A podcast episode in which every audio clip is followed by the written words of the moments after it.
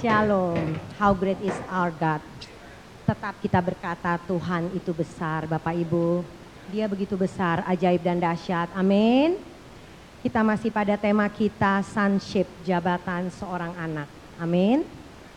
Jabatan ilahi, jabatan yang benar-benar luar biasa. Dalam proses sonship saya mau mengambil satu proses yaitu mengenai didikan.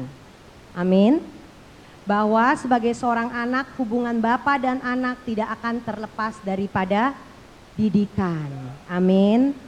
Seperti kita semua saya percaya Bapak Ibu di sini mempunyai anak atau akan mempunyai putra dan putri. Tetapi hal yang penting adalah dari dia lahir sampai dia dewasa sampai dia kapan pun. Kita rindu mendidik mereka untuk mereka menjadi anak yang baik, untuk mereka menjadi anak yang pintar, untuk mereka menjadi anak yang takut akan Tuhan. Amin. Amin. Firman Tuhan yang akan membawa kita di dalam uh, uh, sharing pada pagi hari ini adalah Ibrani 12 ayat 5 sampai 11. Ibrani 12 ayat 5 sampai 11. Saya bacakan ya. Dan sudah lupakah kamu akan nasihat yang berbicara kepada kamu seperti kepada anak-anak. Hai anak-anakku, janganlah anggap enteng didikan Tuhan dan janganlah putus asa apabila engkau diperingatkannya. Karena Tuhan mengajar orang yang dikasihinya dan ia menyesa orang yang diakuinya sebagai anak. Jika kamu harus menanggung ganjaran, Allah memperlakukan kamu seperti anak. Di manakah terdapat anak yang tidak dihajar oleh ayahnya? Tetapi jikalau kamu bebas dari ganjaran yang harus diderita setiap orang, maka kamu bukanlah anak, tetapi anak-anak gampang. Selanjutnya, dari ayah kita yang sebenarnya kita beroleh ganjaran dan mereka kita hormati. Kalau demikian, bukankah kita harus lebih taat kepada Bapa segala roh supaya kita boleh hidup? Sebab mereka mendidik kita dalam waktu yang pendek sesuai dengan apa yang mereka anggap baik. Tetapi dia menghajar kita untuk kebaikan kita supaya kita beroleh bagian dalam kekudusannya. Memang tiap-tiap ganjaran pada waktu ia diberikan tidak mendatangkan sukacita, tetapi duka cita. Tetapi bukankah ia menghasilkan buah kebenaran yang memberikan damai kepada mereka yang dilatih olehnya. Amin.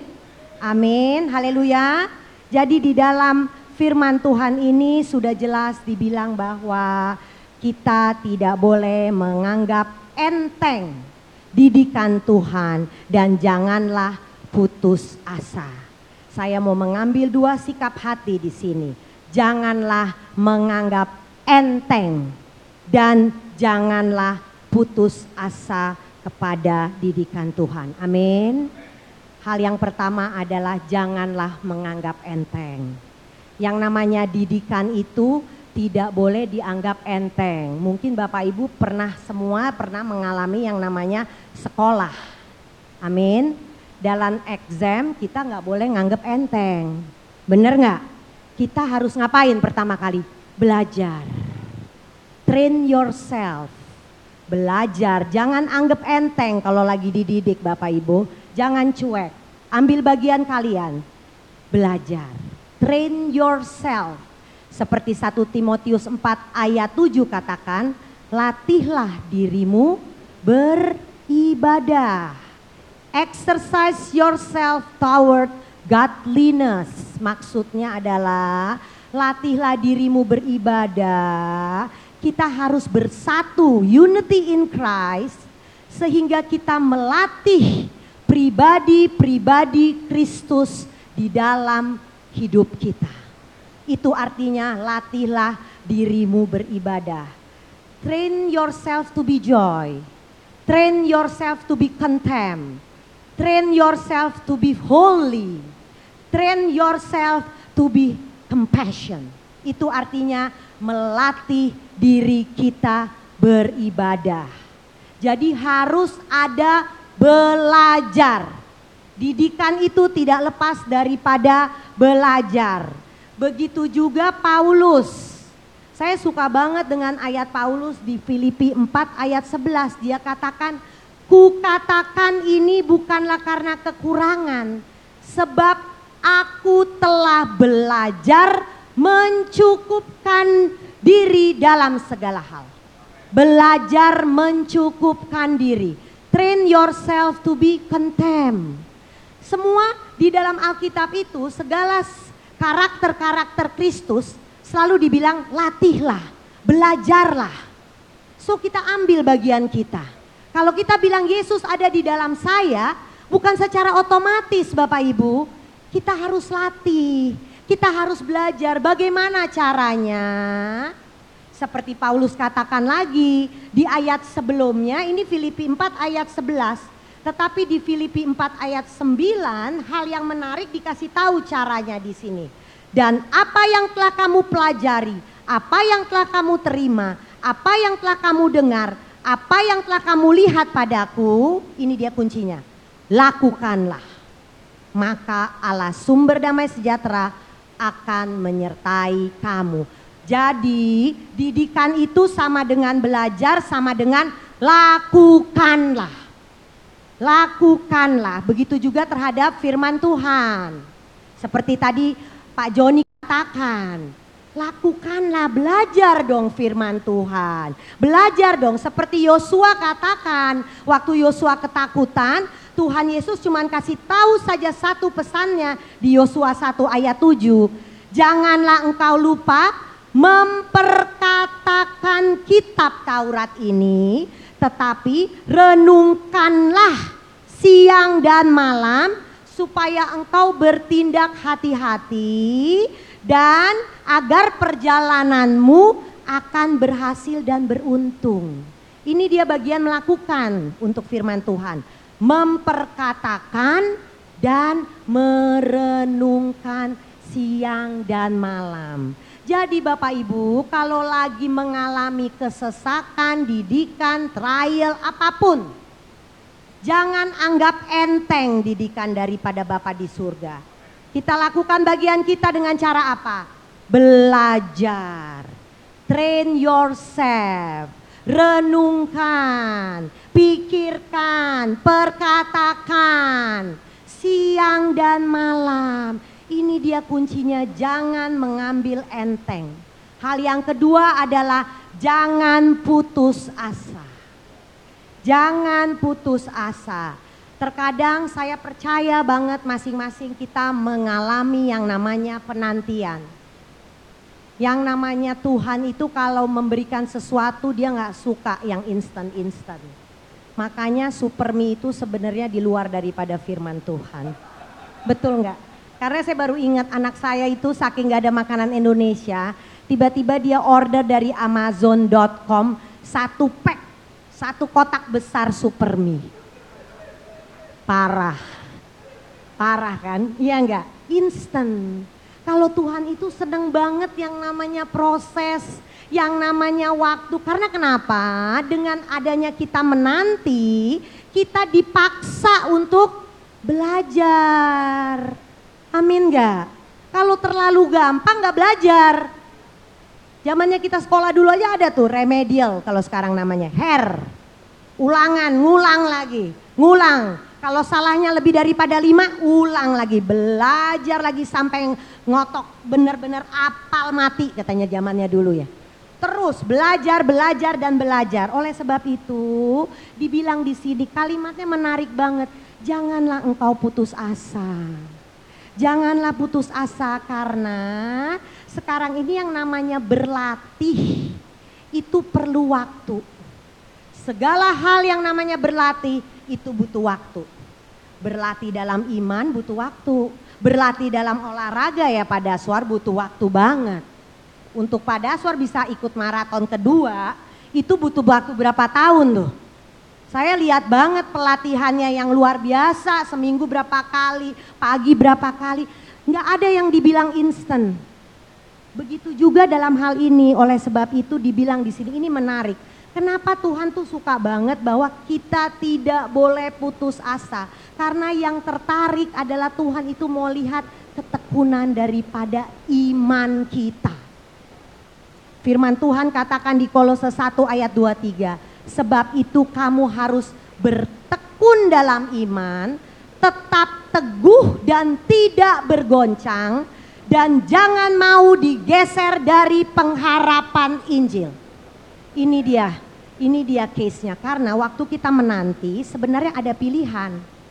Apakah kita mau tetap di dalam Injil, dalam pengharapan Tuhan, atau kita mau pindah ke plan B, pengharapan manusia.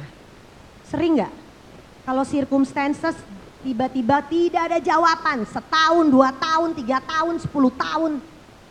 Seperti Abraham, mau pakai jalan manusia atau mau pakai jalan Tuhan.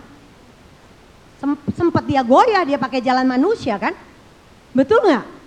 Karena ini sebenarnya fokusnya kenapa dibilang tidak boleh putus asa karena kita harus tekun di dalam iman, tidak goncang, teguh dan tidak bergeser dari pengharapan Injil. Makanya Tuhan izinkan pengharapan itu adalah sesuatu yang belum bisa kita lihat.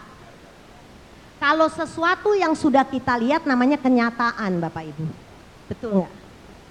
Firman Tuhan di ayat yang dibilang di ayat 8 ayat 2 Roma 8 ayat 25 ini mengenai bagaimana iman Abraham ya.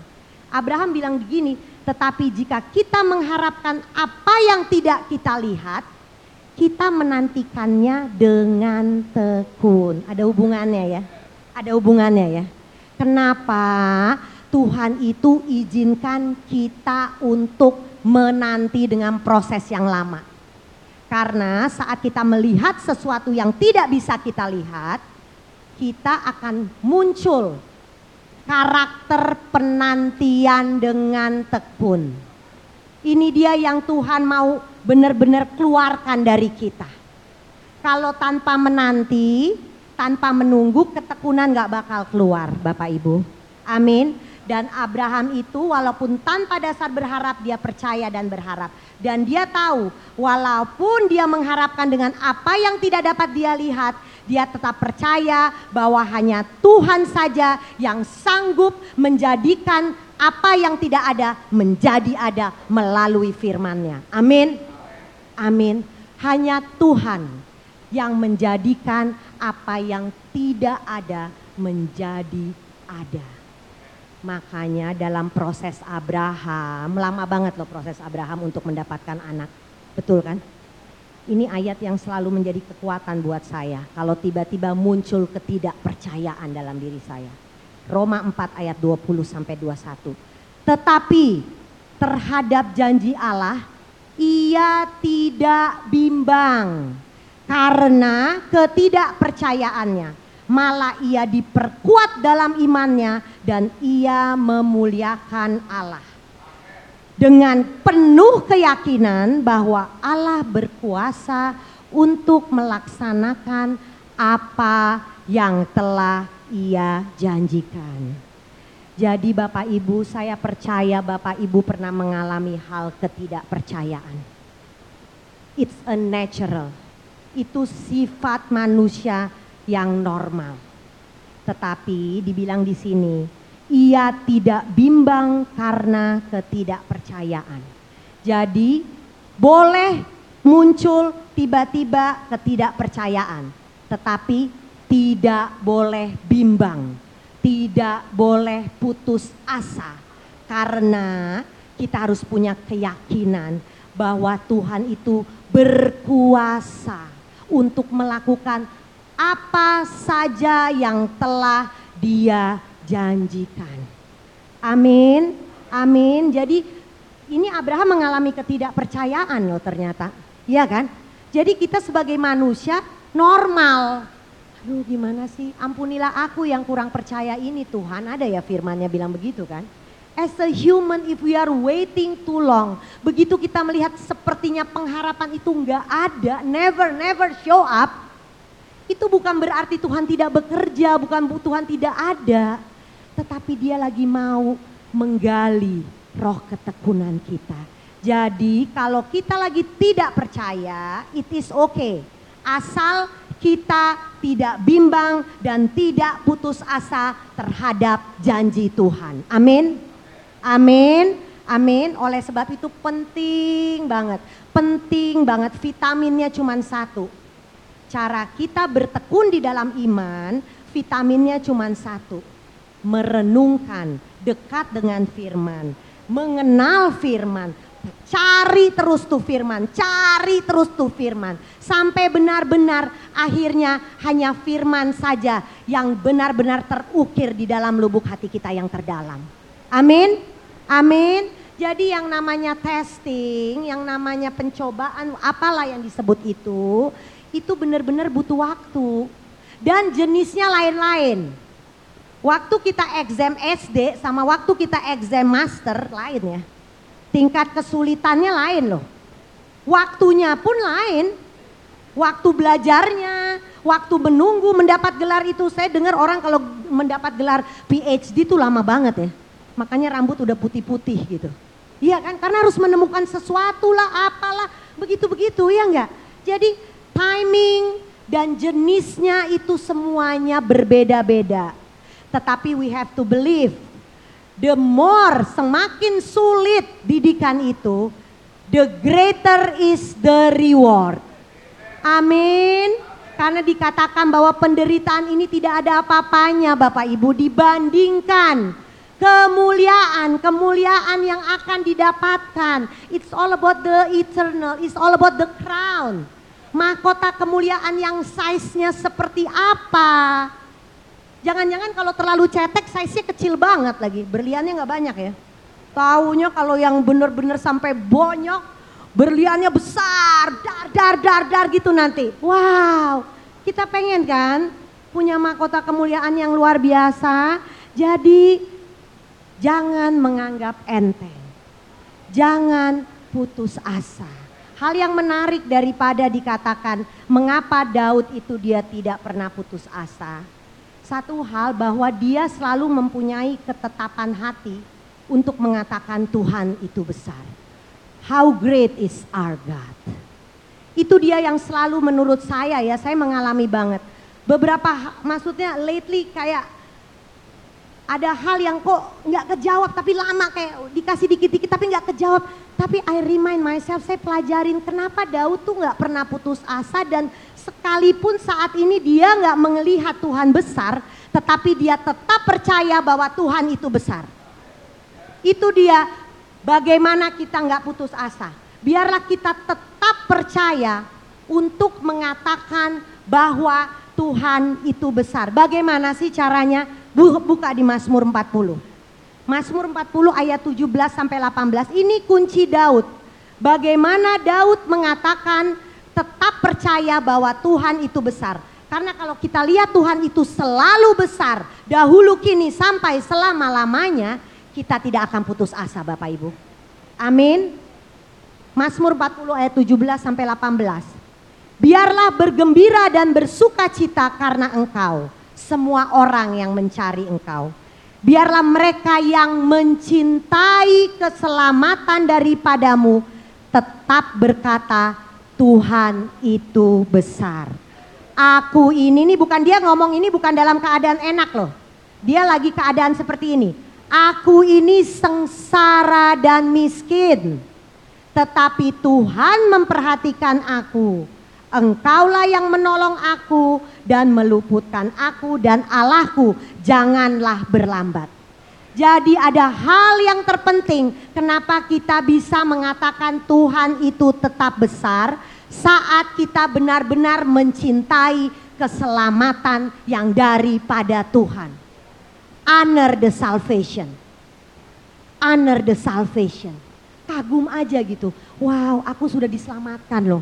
Aku udah ditebus loh. Aku sudah diselesaikan loh. Everything dia yang menyelesaikannya bagi kita Begitu kita terus kagum, nggak nganggap itu sebagai barang yang biasa aja.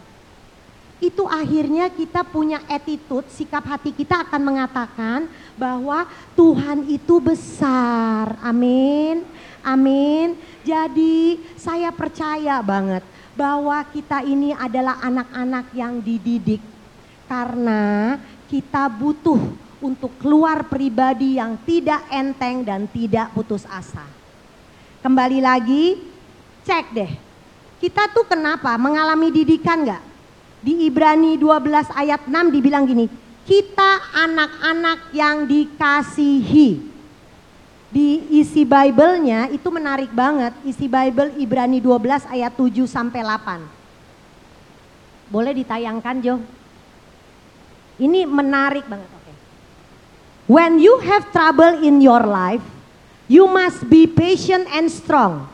Remember that God is the teaching you that God is teaching teaching you what is right because you are his his children. There has never been any son whose father did not punish him.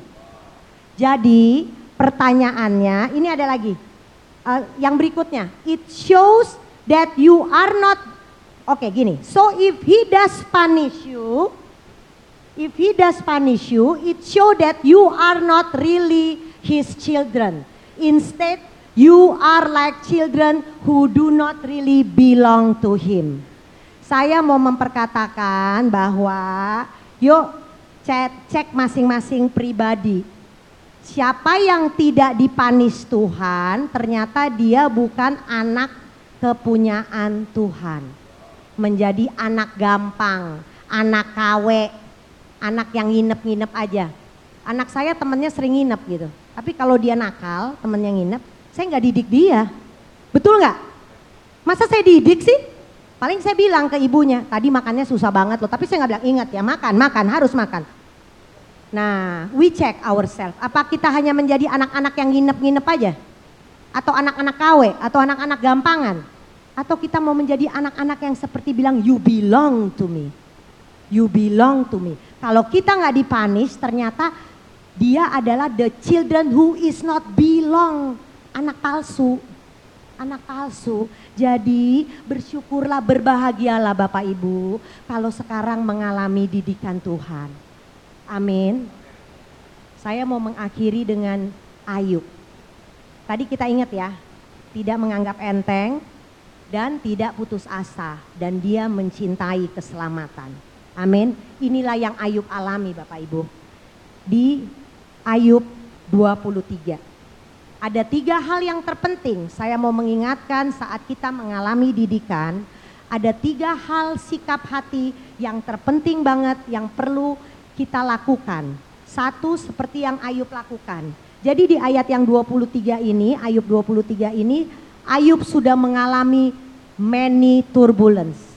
Sakit semua penderitaan udah, dan teman-temannya, istrinya mulai dengan penghakiman Mungkin lo dosa, mungkin lo kemarin kurang baik sama orang, mungkin lo bla bla bla bla bla. Pokoknya ini dalam fase Ayub 23 ini Ayub lagi pusing banget.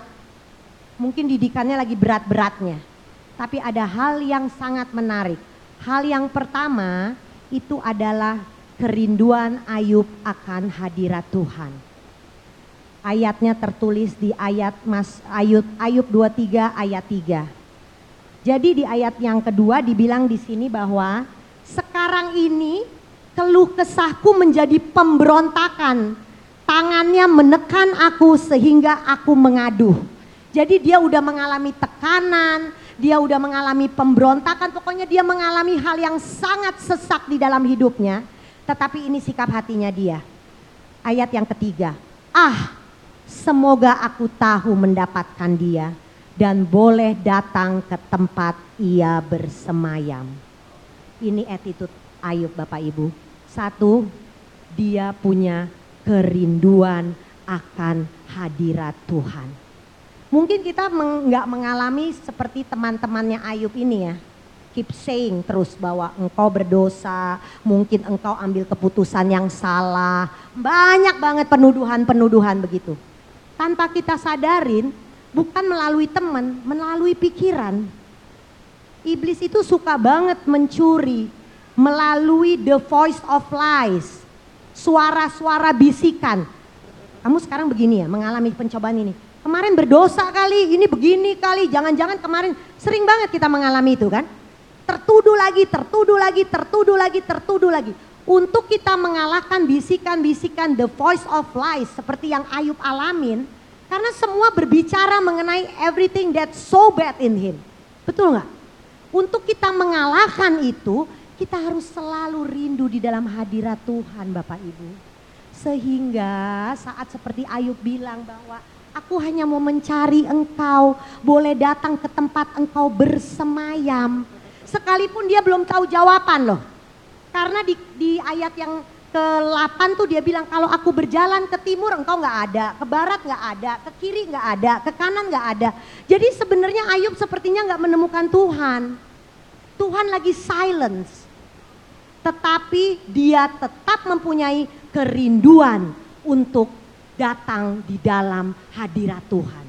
Karena dia tahu saat dia di dalam hadirat Tuhan, the voice of lies, bisikan-bisikan iblis itu yang membuat kita akhirnya kehilangan uh, pengharapan, itu akan digantikan dengan bisikan-bisikan Tuhan, janji-janji Tuhan, firman Tuhan. Akhirnya apa? Timbullah pengharapan. Ini prosesnya. Hal yang pertama, saat kita dididik, saat kita dalam kesesakan, saya mau membuat menjadi 3K. K yang pertama adalah kerinduan akan hadirat Tuhan. K yang kedua adalah di ayat yang 10 dan 11 mengenai keteguhan hati. Ini dia kerennya di sini Ayub. Di ayat 10 11 dikatakan begini. Karena ia tahu jalan hidupku Seandainya ia menguji aku, aku akan timbul seperti emas. Kakiku tetap mengikuti jejaknya. Aku menuruti jalannya dan tidak menyimpang. Perintah dari bibirnya tidak kulanggar. Dalam sanubariku kusimpan ucapan mulutnya. Ini dia keteguhan hati tidak putus asa. Kenapa? Dia punya keteguhan hati karena dia tahu bahwa didikan ini ada purpose.